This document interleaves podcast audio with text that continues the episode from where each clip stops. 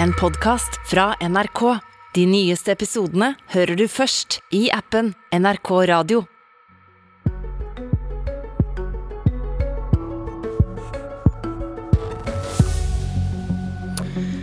Regjeringen møtte Taliban i går, og resultatet? Vi veit ikke hva som blir resultatet av disse samtalene. Hva gjør vi hvis Taliban ikke går med på noen krav, og millioner av afghanere kan dø av sult? Ja, Delegasjonen fra Taliban forlot Norge i natt. God morgen, utenriksminister Anniken Huitfeldt. God morgen. Hvorfor var det ikke deg Taliban fikk møte i går kveld? Det mener vi er altfor tidlig, og vi vil samordne oss med andre land som USA, Tyskland, Storbritannia. Vi ønsker ikke å gi dem noe anerkjennelse, men det var tydelig for oss at vi ville stille krav til Taliban. Det var din statssekretær Henrik Thune som møtte Taliban. Hvis de nå hevder at de fikk møte den norske regjeringen, tar de feil? De fikk jo møte en representant for den norske regjeringen, og det gjorde jo at vi fikk overlevert våre krav, som var tydelige når det gjelder jenters rett til utdanning, som handler om at vi må få humanitær tilgang til det afghanske folk. Og at de må starte en mer inkluderende grunnlovsprosess hvor alle representanter for folket er representert. Og ikke minst fikk vi tatt opp noen spesielle menneskerettighetssaker knyttet til to fengsla kvinnelige journalister. Så Taliban kan da med rette hevde at de fikk møte Norges regjering. Hvorfor bidrar ikke dette til en anerkjennelse av Taliban? For det er ikke en anerkjennelse av Taliban. Vi er jo forberedt på at de forsøker å fremstille dette som at de har fått en god mottagelse. Men det som er viktig for det afghanske folk, det er at de ser at jenter ikke kommer på skole. De ser at det er en sultkatastrofe i, i hele landet. Så det blir også vanskelig hjemme i Afghanistan å framstille Taliban-styret som noe som har hatt suksess. Men i går sa Christian Berg Harpviken, forsker ved Institutt for fredsforskning, om møtet med statssekretæren din. Jo, det er klart det er en anerkjennelse, og Taliban omfavner jo den med begge hender. Og Du har en åpenbar interesse av å si at det ikke ligger noen anerkjennelse i dette, mens eksperten sier at jo, det er det faktisk. Hvorfor skal vi tro på deg? Jo, men han sier jo også noe mer i forlengelsen. At det at de ikke fikk møte meg, det har en stor betydning. Slik at det er ikke helt eh, rett framstilling du har av denne forskeren som deltok på Dagsnytt 18 i går, og som kom med en meget god analyse av situasjonen. Grunnen til at vi ønsket å motta dem i Norge, henger jo sammen med at her så måtte de møte representanter fra kvinneorganisasjoner, menneskerettighetsforsvarere, i seks timer. Og det kunne ikke skjedd i noe annet land. Men du, Og så avtalte vi også du hopper bukk over den første delen av analysen hans. Jo, det er klart det er en anerkjennelse. Det er en sitat. Hvorfor er du uenig med Harpviken? fordi at uh, Jeg er jo enig med Harpvikens analyse. De vil jo spinne dette Jo, det er jeg, men de vil jo spinne dette åpenbart som at de har fått en anerkjennelse i Vesten. Det har de ikke fått. De har tvert imot fått veldig mye oppmerksomhet og mangel på menneskerettigheter i sitt land. Og at de nå står overfor en sultkatastrofe. Så jeg mener at de ikke lykkes i det de forsøker på.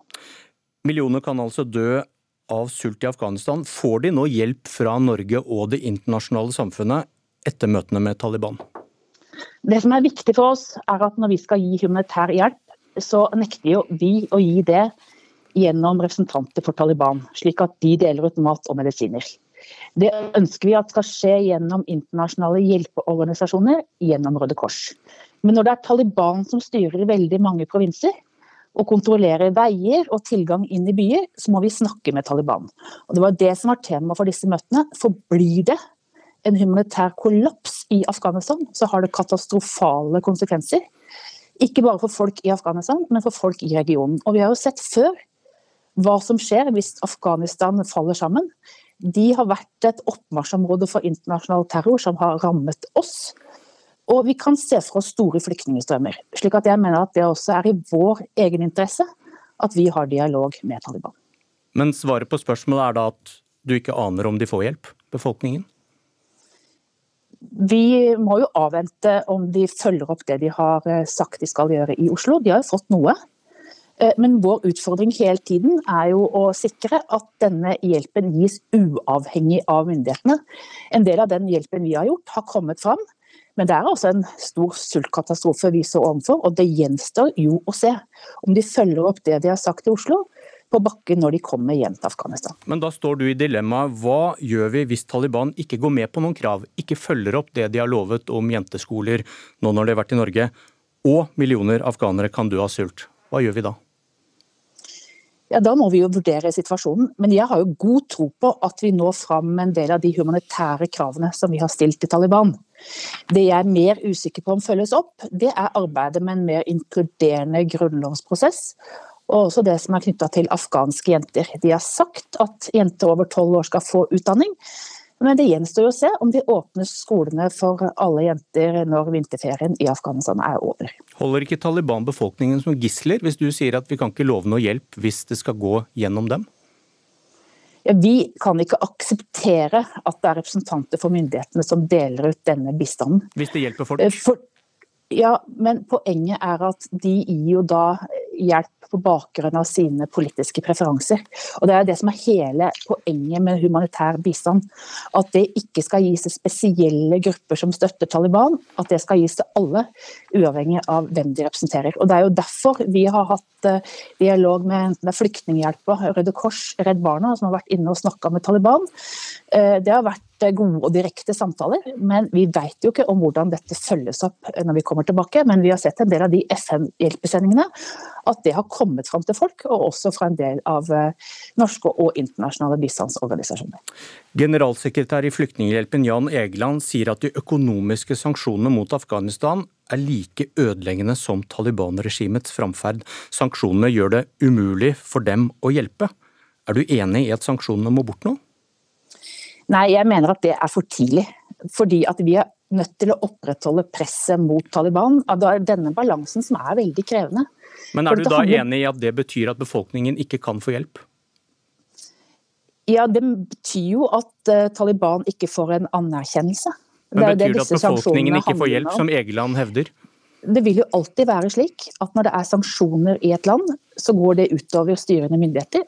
Men det går også ut over vanlige mennesker hvis de får hjelp fra Taliban. Men det er jo det siste som må på plass. da. Vi kan ikke være sikre på at når vi gir penger til Taliban, så kommer det befolkningen til gode. Og Det er jo nettopp derfor at vi ønsker å gi hjelp gjennom internasjonale humanitære organisasjoner, og ikke gjennom Taliban. Hvis IS hadde fått kontrollen i Syria og etablert et sitt kalifat, hadde du invitert dem til Holmenkollen for å unngå sult og nød? Nei, men jeg mener jo at Er ikke prinsippet det samme? Det, Nei, jeg mener jo at det som skjedde i eh, Syria og Irak, var jo at vi bidro internasjonalt for å bekjempe ISILs territorielle kontroll. ISIL er et internasjonalt terrornettverk som angriper folk der de bor, men som også angriper Vesten. Og Vi skal være veldig varsomme nå. Det kan hende at de klarer å etablere seg i Afghanistan, og at det igjen blir et oppmarsjområde for internasjonal terror. Og Vi må huske på at det var jo derfor vi i sin tid gikk inn i Afghanistan sammen med våre allierte. Fordi at de huset et internasjonalt terrornettverk som angrep USA, og som angrep veldig mange land. Og Det må vi hindre at skjer igjen. Takk, utenriksminister Anniken Huitfeldt.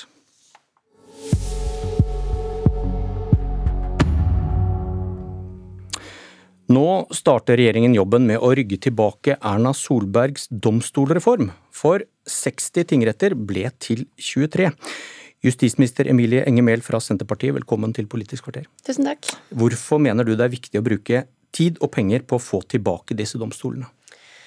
Regjeringen foreslår å gjenopprette de selvstendige domstolene i hele Norge, fordi vi mener det er viktig at domstolene er nær folk, at de også i framtida er til stede i hele landet, at vi har stedlig ledelse eh, ved alle rettsstedene, og at vi kan eh, jobbe med å styrke fagmiljøene på hver enkelt domstol, istedenfor at vi skal eh, bruke all tid og, tid og krefter på å sentralisere domstolene, sånn som forrige regjering gjorde. Eh, det er viktig at domstolene har lokal forankring for å opprettholde tilliten til domstolene, eh, for å sikre at mange sårbare grupper som er innom domstolene, f.eks. i barnesaker, familiesaker, straffesaker, ikke har for lang reisevei. Og at det er en, en Det er jo en av den tredje statsmakt, at den har forankring i hele landet. Hvem skal bestemme om en domstol nå skal gjenoppstå? Er det deg og regjeringen, eller skal det avgjøres lokalt? Regjeringen har eh, som utgangspunkt eh, det vi har sagt i Hurdalsplattformen, at vi vil ta tilbake eh, strukturen fra før den sentraliserende domstolsreformen til Erna Solberg. Og så har vi sagt at vi kan gjøre unntak der hvor det er lokal enighet mellom sorenskriver, ansatte og kommuner. Og Det betyr jo at nå har vi sendt forslag på høring, og så vil det ligge ute på høring i tre måneder. og Da ber vi om, om at de som har noe å mene om dette, kommer med sine innspill, og så vil vi ta en vurdering etterpå hvor det er eventuelt enighet om å bevare dagens sentralisert sentraliserte struktur. Men hva skjer da, hva skjer da hvis én kommune vil tilbake til flere domstoler, mens tre andre i samme område mener det er bedre å beholde reformen med en større enhet? Ja, Dette blir litt sånn teoretiske problemstillinger på nåværende tidspunkt. Men, eh, det, men, i en kommune så er det Nei, I en rettskrets eh, så er det mange kommuner som sokner til en domstol. og Her må vi jo se på hva mener vertskommunen, hva mener de andre kommunene rundt. En del steder så har kommunene eh, felles eh, uttalelsesforum, så dette vil nok variere rundt i landet hvordan de velger å uttale seg. På samme måte som altså Landet vårt er stort, det er variert, så her vil vi kunne få ulike svar. Men mitt utgangspunkt er at hvis en kommune, hvis kommunene ønsker å ta tilbake domstolen, så er det en, eh, da, da, er det det som er eh, utgangspunktet skal skje. Og da skal én kommune kunne overkjøre tre andre som vil noe annet? i en ja, Dette krets. må vi se på totalen i, vi må se på hva slags innspill som kommer. Men jeg mener jo f.eks. at hvis Trondheim kommune mener at de fortsatt ønsker at domstolen i Namsos skal ligge under seg, så er ikke det et så vektig argument. Jeg mener at det er viktigere å lytte til de lokale meningene i Namsos. Og det samme andre steder i landet. Hvis, hvis Drammen mener at de fortsatt ønsker å beholde Nesbyen eh, under seg, eh, så mener jeg at det er viktigere å lytte til hva man mener i Nes i Hallingdal. Eh, og sånn er, Dette er jo vår inngang til dette. Vi ønsker å lytte til hva de faktiske meningene er rundt i landet, i motsetning til forrige regjering, som innførte reformen til tross for at det var masse protester, spesielt i de domstolene som ble underlagt andre doms større domstoler. Forrige regjering. Ingvild Wetterhus Thorsvik sitter i justiskomiteen for Venstre. God morgen i Kristiansand. God morgen. Regjeringen Venstre satt i gjennomførte denne reformen. Hvorfor mente dere det var riktig? Altså, Domstolsreformen var jo et svar på bl.a. kritikk fra Riksrevisjonen om organiseringa før 2021. Eh, det gikk jo både på manglende effektivitet og for lang saksbehandlingstid. Og Så ble jo denne reformen da gjennomført etter en grundig utredning fra Domstolskommisjonen, og bygga òg på kunnskap fra Særdomstolsutvalget. Eh, mens nå kommer altså regjeringa og skal reversere en reform knytta til en statsmakt, uten at det er gjennomført noen form for prosess i form av at man sjekker ut hvordan har dette funka i de få månedene som det har fått eh, fungere. og Det syns jeg er utrolig ubehagelig. Og så er det jo sånn at Dette forslaget om reversering har så godt som ingen støtte i eh, etaten sjøl eller andre aktører i domstolen. Ja, Dette er det delte meninger om. Det var det da forrige regjering eh, sentraliserte domstolene, og det kommer det også til å være nå. Men eh, det er viktig å ha med seg at eh, når det blir pekt på f.eks. Riksrevisjonen, som, som har sagt at det er et effektiviseringspotensial i domstolene, så har ikke de sagt at man må sentralisere domstolene for å få til det. Eh, saksbehandlingstiden har vært eh, kritisert. Eh, den domstolen med lengst saksbehandlingstid i undersøkelsen, det var Bergen tingrett, som var Norges største fullfaglige tingrett før reformen. Så bildet er ikke så svart-hvitt som forrige regjering ønsker å framstille det. I dag stilles det samme kompetansekrav til dommere i alle domstoler, uansett om det er store eller små domstoler. Det er viktig for meg å styrke domstolen i hele landet, og derfor kommer vi med dette forslaget. Torsvik. Ja, Dette her er jo ikke noe sentralisering. Det er domstoler på akkurat de samme stedene som det var før. Det er ingen fysiske steder som er nedlagt. Hvis jeg skal i, i retten, jeg som bor i Mandal, så skal jeg fortsatt dra til Farsund for å gå i retten. Dette er en ren omstrukturering. Det som Arbeiderpartiet og Senterpartiet vil gjøre nå, det er egentlig bare å utnevne 40 nye sorenskrivere. dette er ikke noe desentralisering, det er utelukkende symbolpolitikk. Eh, og så er du inne på, på, dette som går på faglig styrking. Det har jo vært noe av det som er veldig viktig med denne reformen. At man i form av å få et større eh, kollegiat Selvfølgelig skal dommeren være en generalist, men man, når man har flere dommere på et sted, så vil man i mye større grad òg kunne spesialisere seg f.eks. innenfor barnesaker. Og Barneombudet har jo vært tydelig på at hun er bekymret for rettssikkerheten til barn hvis ikke reformen opprettholdes, nettopp fordi at man trenger en spesiell kompetanse innenfor det type saker. og Det er vanskelig å få til i de mindre tingrettene. Ok, Kort til slutt, når skal dette skje? Ja, Nå sender vi forslaget på høring. Det skal legge ut i tre måneder. og Så vil vi sette oss ned og gå grundig gjennom de innspillene som kommer. Takk Emilie Engemehl, og takk Ingvild Wetterhus Thorsvik. Dette var Politisk kvarter. Jeg heter Bjørn Myklebust.